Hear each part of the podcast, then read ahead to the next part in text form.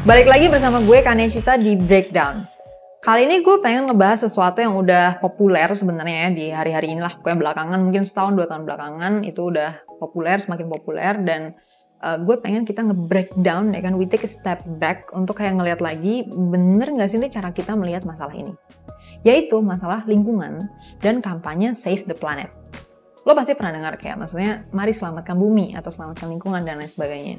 Gue ngerti banget bahwa phrase itu ya, maksudnya save the planet itu suatu phrase yang catchy gitu kan, yang enak disampaikan, enak juga dibikin desain-desain macam-macam.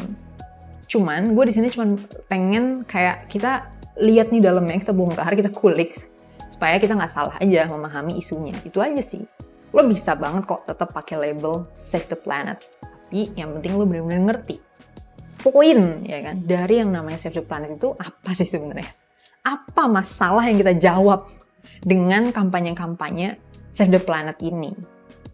Nah, sekarang gue pernah bikin suatu post di Instagram gue di mana gue bilang uh, bumi itu kondisinya udah pernah ngalamin macam-macam gitu ya. Bumi itu pernah ketutup es semua dan gak ada masalah. Maksudnya apa? Ya bumi tetap aja berjalan sebagaimana bumi gitu ya. Makanya kalau gue bilang save the planet itu agak bermasalah secara isi literal ya. Kalau misalnya ya enggak lah, ini kan kita artinya bukan literal ya nggak apa-apa. Cuma maksudnya kalau lo ngertiin secara literal, selamatkan planet itu sebenarnya nggak tepat gitu ya. Karena apa? Ya planet pertama, planet itu bukan organisme gitu kan. Maksudnya planet itu bukan makhluk hidup gitu. Planet itu suatu benda yang namanya yang kita sebut dengan bumi, planet Mars dan lain sebagainya gitu kan. Planet-planet itu sebenarnya suatu benda nih. Jadi kalau misalnya kata selamatkan dipakai buat planet sebenarnya nggak pas karena dia tuh nggak punya istilah yang namanya keselamatan gitu atau maksudnya dia tuh bertahan hidup karena dia sendiri nggak hidup gitu kan.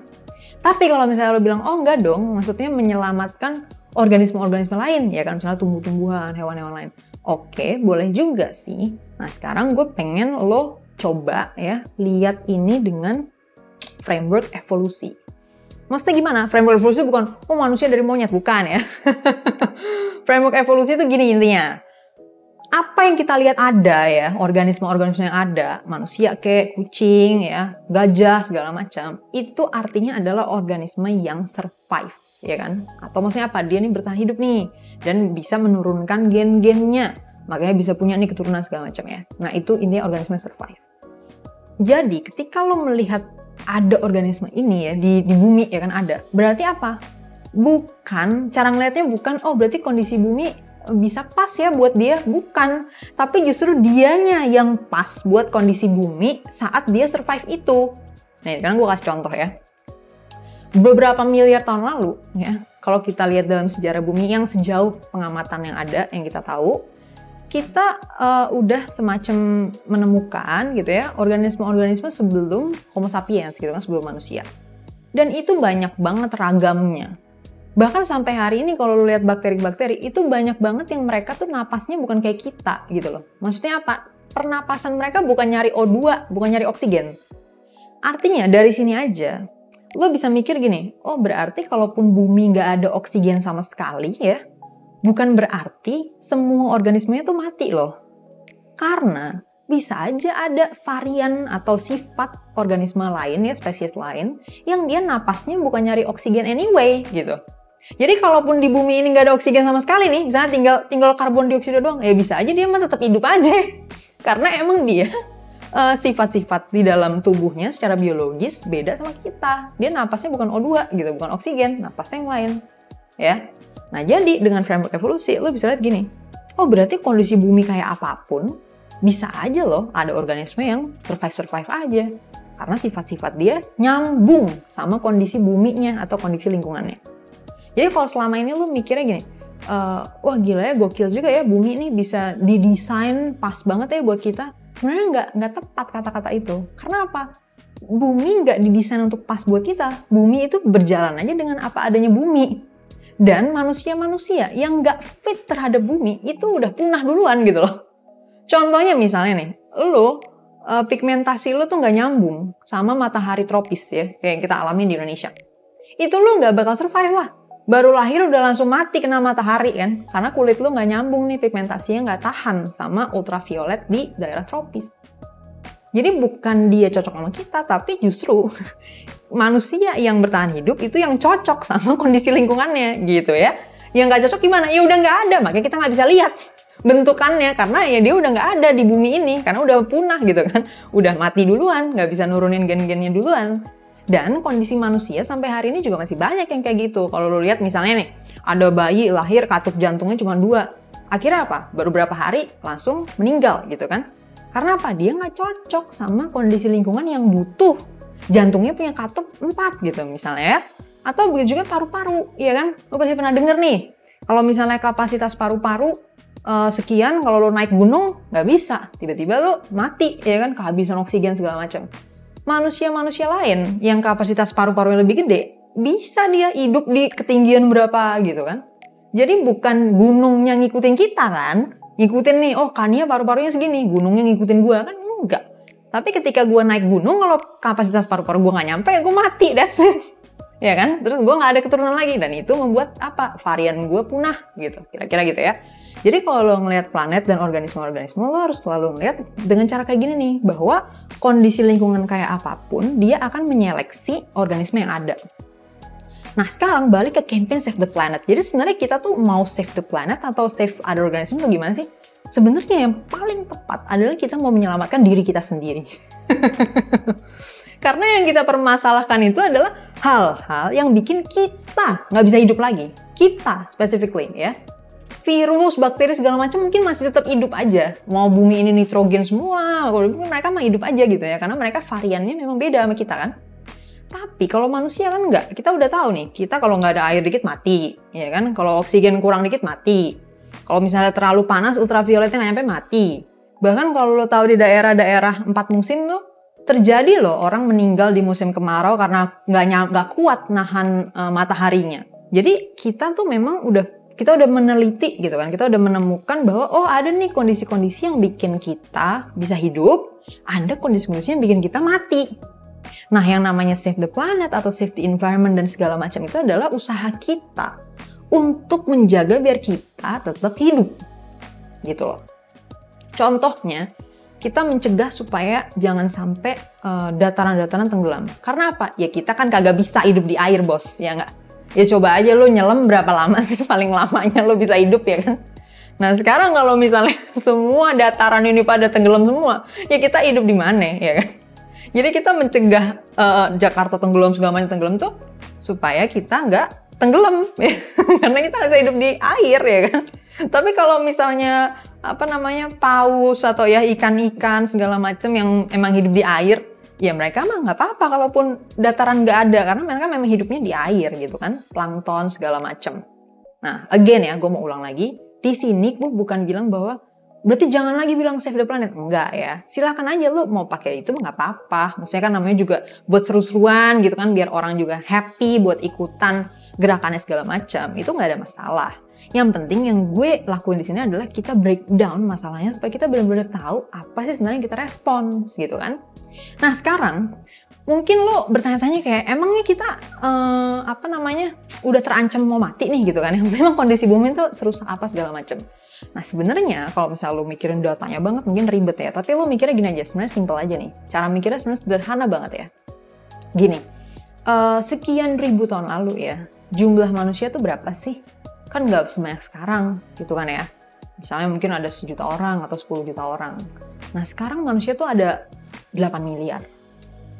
Cara lo ngitungnya adalah uh, tadinya kita butuh air bersih misalnya 1 liter gitu ya. Nah ketika orang jadi 8 miliar, kita butuhnya 8 miliar liter gitu. Jadi lo cara mikirnya gitu aja. Nah lo bisa lihat kan bahwa wah gila juga ya berarti kebutuhan kita tuh sekarang banyak banget gitu kan. Nah sehingga ketika bumi dulu udah cukup nih dengan misalnya kondisi air sekian, orangnya udah sekian tuh cukup, sekarang udah nggak bisa lagi gitu. Karena orangnya udah jauh lebih banyak daripada zaman dulu itu, ya kan? Sehingga dengan kondisi itu kita justru harus lebih, apalagi lebih banyak lagi untuk menjamin uh, sumber daya sumber daya yang kita butuhin itu ada, ya kan? Salah satunya air bersih, udara bersih dan lain sebagainya. Kalau dulu kita nggak perlu terlalu mikirin, karena apa? Kita terlalu terlalu mikirin bukan berarti kita nggak butuh. Kita butuh, tapi karena orangnya dikit banget nggak perlu dipikirin. Ya oksigen udah berlimpah-limpah, ya kan? Airnya masih banyak, tanah pertanian masih banyak, ya orangnya dikit banget cuy, gitu loh. Nah kalau sekarang ketika kita berdelapan miliar ya, 7, sekian miliar, kita jadi harus mikirin karena apa? Wah gila udah mulai ini nih, udah mulai kerasa nggak cukup nih gitu kan, oksigennya udah mulai kehabisan-kehabisan Nah, akhirnya kita jadi mengevaluasi sebenarnya gimana sih cara kita hidup. Ya kita juga nggak bisa menyalahkan misalnya, ah lagian salah itu sih orang-orang zaman dulu sih ngapain sih bikin begini-begini-begini. Ya kan namanya manusia semakin ke sini semakin berkembang dong pengetahuannya, pemahamannya. Jadi kita juga harus tahu bahwa oh ya zaman dulu memang orang nggak sepengetahuan sekarang, eh nggak seberpengetahuan kayak kita sekarang gitu loh. Ya justru karena itu yang lebih bodoh lagi adalah kita sekarang udah tahu tapi masih begitu aja. Nah itu lebih bodoh lagi ya. Nah justru kita sekarang karena kita udah tahu bahwa oh ternyata kita salah nih di sini di sini di sini kita evaluasi dan kita harus berubah. Nah salah satu yang evaluasi paling penting soal lingkungan adalah keberlanjutan ya atau apa yang kalau dalam bahasa teknisnya sirkular lah, sirkular uh, civilization gitu. Jadi ketika kita beroperasi, kita mesti tahu suatu sumber daya, ya kan tadi misalnya contohnya air atau apa itu datang dari mana. Yang pasti bukan ujuk-ujuk datang dari langit, ujuk air bersih kan. ada nih mekanisme dia masuk dari mana. Nah terus ketika dia ada, kita lihat lagi, nanti habis dipakai jadi waste, waste-nya ke mana?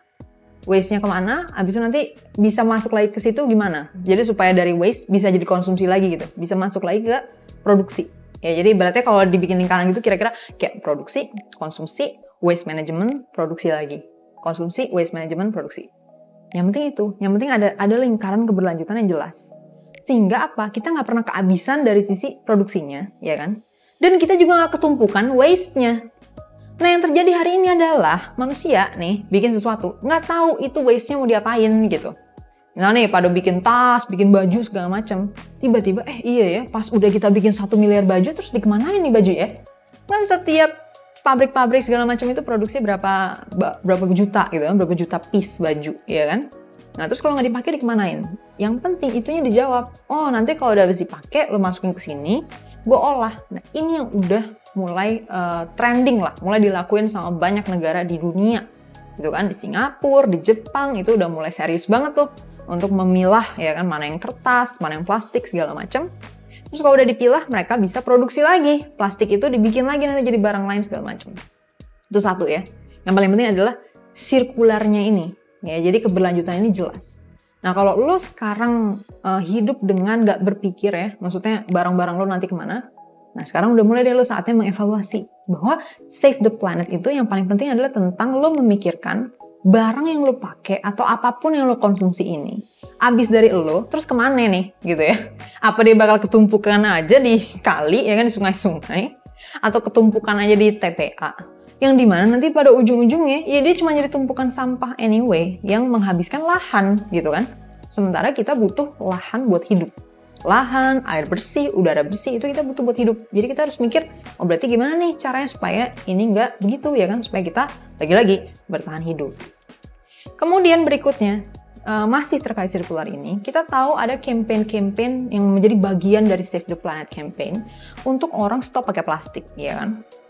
Apa? Ya udah jangan pakai plastik lagi, jangan pakai plastik lagi. Karena apa? Nah, lo harus tahu akarnya. Lo bukan cuma tahu eh, plastik nggak usah pakai plastik tapi nggak tahu akarnya. Nah, sekarang kita breakdown ya sebenarnya nggak pakai plastik nih akar masalahnya apa sih? Akar masalahnya kalau kita balik ke sirkular tadi ya, kita mau semua yang kita konsumsi ini itu jelas kan diolah lagi atau gimana pokoknya ada pengolahannya sehingga dia nggak numpuk doang atau menjadi masalah baru tapi dia bisa bahkan menjadi produksi baru untuk kemudian kita konsumsi lagi dan seterusnya ya kan jadi ada perputaran yang jelas ini nah plastik adalah salah satu material yang paling susah untuk uh, ter olah dengan sendirinya di tanah gitu loh. Ya jadi dia nggak bisa misalnya lo tanamin ke tanah terus udah dia ini sendiri nggak bisa. Beda dengan misalnya kertas ya. Atau kalau lo makan buah tuh kan ada biji-bijian yang lo nggak nggak makan kan lo makan buahnya kan. Nah bijinya kan lo lempar ke tanah gitu jadi pohon lagi. Nggak ada masalah. Tapi kalau plastik lo taruh ke tanah dia nggak gampang untuk terolah sendiri. Jadi kita harus ngolah. Nah makanya dia harus dikurangin karena kalau misalnya kita nggak punya sistem penampungan plastik yang benar, terus plastik ini kebuang-kebuang ke mana-mana, dia uh, masuk-masuk ke tanah segala macam jadi masalah dan masuk-masuk ke laut juga jadi masalah itu yang lo lihat masuk ke paru-paru paus segala macam ya kan perut paus segala macam tapi ini kan kita tahu ini goal ujungnya ya bahwa kita menjawab ini, menjawab masalah ini. Nah sering kali ya yang orang kemudian salah adalah oh kita nggak usah pakai plastik nih, kita harus pakai tote bag gitu kan kalau sekarang ya tote bag. Tapi pada saat orang pakai tote bag, dia masih dengan perilaku dia pakai plastik. Maksudnya apa? Tiap dia datang ke mall, pakai plastik baru kan? Kalau pas pakai plastik kan, pakai tote bag juga gitu. Datang ke mall, beli tote bag baru, besoknya beli tote bag baru lagi besoknya lagi beli tote bag baru lagi. Akhirnya nanti 20 tahun lagi di perut paus itu ada tote bag gitu loh ya. Karena apa? Tote bag ini juga nggak bisa terolah dengan sendirinya bos di dalam tanah. Jadi jadi yang paling lucunya di sini ya kan? Kita missing the point nih ya. Poinnya adalah mengurangi apa yang Eh, nggak uh, terolah dengan benar tadi. Ya ingat ya sirkular tadi. Jadi dia nggak dia numpuk di sini dan nggak jelas nih ke mana. Karena dia nggak bisa diolah dengan sendirinya dan kita nggak ngolah. Beda dengan misalnya kita tetap pakai plastik. Tapi plastiknya semuanya 100% terserap lagi nih ke dalam suatu pengolahan misalnya ke perusahaan yang merecycle plastik atau apa itu justru lebih aman daripada kita pindah ke tote bag tapi tetap sama yaitu apa? Sampah-sampah kita nggak jelas diolahnya ke mana. Nah ujung-ujungnya ya tadi tote bag tadi masuk juga ke perut paus atau lumba-lumba gitu loh ya. Jadi di situnya kita harus selalu ingat again, kita harus selalu ingat sebenarnya tujuan awalnya kita ngelakuin ini apa sih gitu kan. Akar masalahnya apa sih yang kita jawab dengan ini. Di situ yang kita tadi dari tadi kita breakdown, oke? Okay? Nah sampai di sini kira-kira udah banyak ya poin-poin yang lo udah bisa lihat akar masalahnya di mana, dan apa yang bisa lo lakukan, apa yang bisa kita semua lakukan untuk membantu menjawab masalah ini. Nah sekarang gue bakal ngasih semacam some sort of tips lah ya gitu kan. Yang pertama, ini udah paling pasti ya, lo harus bisa yang namanya ngitung ya. Maksudnya apa? Ketika lo melihat suatu solusi segala macam sumber daya, lo mau pakai suatu sumber daya apa segala macam, lo harus lihat skalanya nih ketika lo ngeliat konsumsi lo misalnya, oh gue gue konsumsi cuma satu gelas plastik kok sehari, Nah, lu bayanginnya bukan satu orang yang memakai satu gelas plastik, tapi 7 miliar orang. Jadi ada 7 miliar gelas plastik kira-kira. Nah, terus hitung lagi, oh berarti nggak bisa dong ya kalau kita solusinya cuma ngurangin, ya kan? Nah, akhirnya masuk ke solusi yang kedua, yaitu bagaimana kita mendorong sampah-sampah ini memang punya sistem pengolahan yang bagus, ya kan? Sehingga nggak ada lagi nih yang numpuk nggak jelas atau nanti masuk ke perut paus ya, tapi udah jelas sih semua kita kumpulin yang kita olah yang benar. Dan yang ketiga, lo bisa lebih banyak menghitung sumber daya yang lo pakai. Ya, ini masih bagian dari ngitung juga sih sebenarnya. Maksudnya gimana? Ya kayak tadi ya, kita harus ingat bahwa kehidupan kita hari ini itu beda dengan kehidupan nenek moyang kita di 10.000 tahun lalu gitu kan. Di mana manusia baru dikit, sekarang manusia ada 7 miliar. Jadi kita harus lebih hati-hati dan lebih banyak menghitung dalam belanja-belanja gitu loh. Jangan sampai kita kayak punya tujuan bahkan. Oh, gue punya tujuan punya 10 rumah. Nah, lo harus bayangin ya, ketika lo punya tujuan punya 10 rumah, itu berapa orang nih di dunia ini yang mau punya 10 rumah juga? Nah, akhirnya nanti tanah kita nggak akan cukup lagi untuk menampung manusia dan kebutuhannya gitu loh ya. Nah, intinya lo ngitung nih mulai sumber daya yang lo pakai tuh apa aja dan nanti kira-kira itu udah efisien atau belum gitu kan. Maksudnya udah efisien tuh apakah udah berle apakah berlebih-lebihan ya kan. Nah, jangan sampai berlebih-lebihan gitu kan. Abis itu yang terakhir, gue juga punya saran sebenarnya mungkin buat teman-teman all shop dan segala macam. Uh, lu inget kan tadi kita sempat ngomongin sampah baju. Nah, sampah baju itu kan terutama yang paling banyaknya tuh bukan yang kebeli, tapi justru yang nggak kebeli. Karena suatu pabrik pasti produksi lebih banyak dong daripada demand kan. Maksudnya kayak misalnya dia ngitung nih, oh kira-kira baju gue kejualnya 100 doang per bulan. Dia nggak mungkin produksi 100 dong. Dia pasti produksi misalnya 200, ya kan? Supaya apa? Ya jangan sampai kurang. Kalau ada orang yang mau beli harus ada barangnya. Nah sisanya ini nih, yang misalnya 100-nya nggak kebeli, nah ini ke mana? Inilah yang menjadi sampah. Untuk mengurangi ini, gue sangat-sangat mendukung budaya pre-order. Jadi, uh, produsen itu selalu memproduksi pas dengan berapa yang dibutuhin gitu. Nggak kelebih-lebihan. Jadi kita tetap mengukur lagi juga seberapa banyak sih sampah yang bisa kita buat dan effort atau usaha untuk mengolahnya tuh kayak gimana. Nah kalau ini udah solid, perputaran tadi jadi lebih jelas kan yang tadi sirkular tadi karena itu inti dari environmental uh, apa ya campaign lah. Maksudnya gerakan kita untuk menjaga lingkungan itu intinya yang di circular tadi. Oke sampai sini dulu. Gue rasa episode breakdown kali ini. Tungguin episode breakdown berikutnya. Lo bisa kirim juga ke DM IG gue atau email gue segala macam untuk saranin topik-topik atau argumen-argumen yang pengen lo breakdown di rubrik breakdown. See you on the next episode.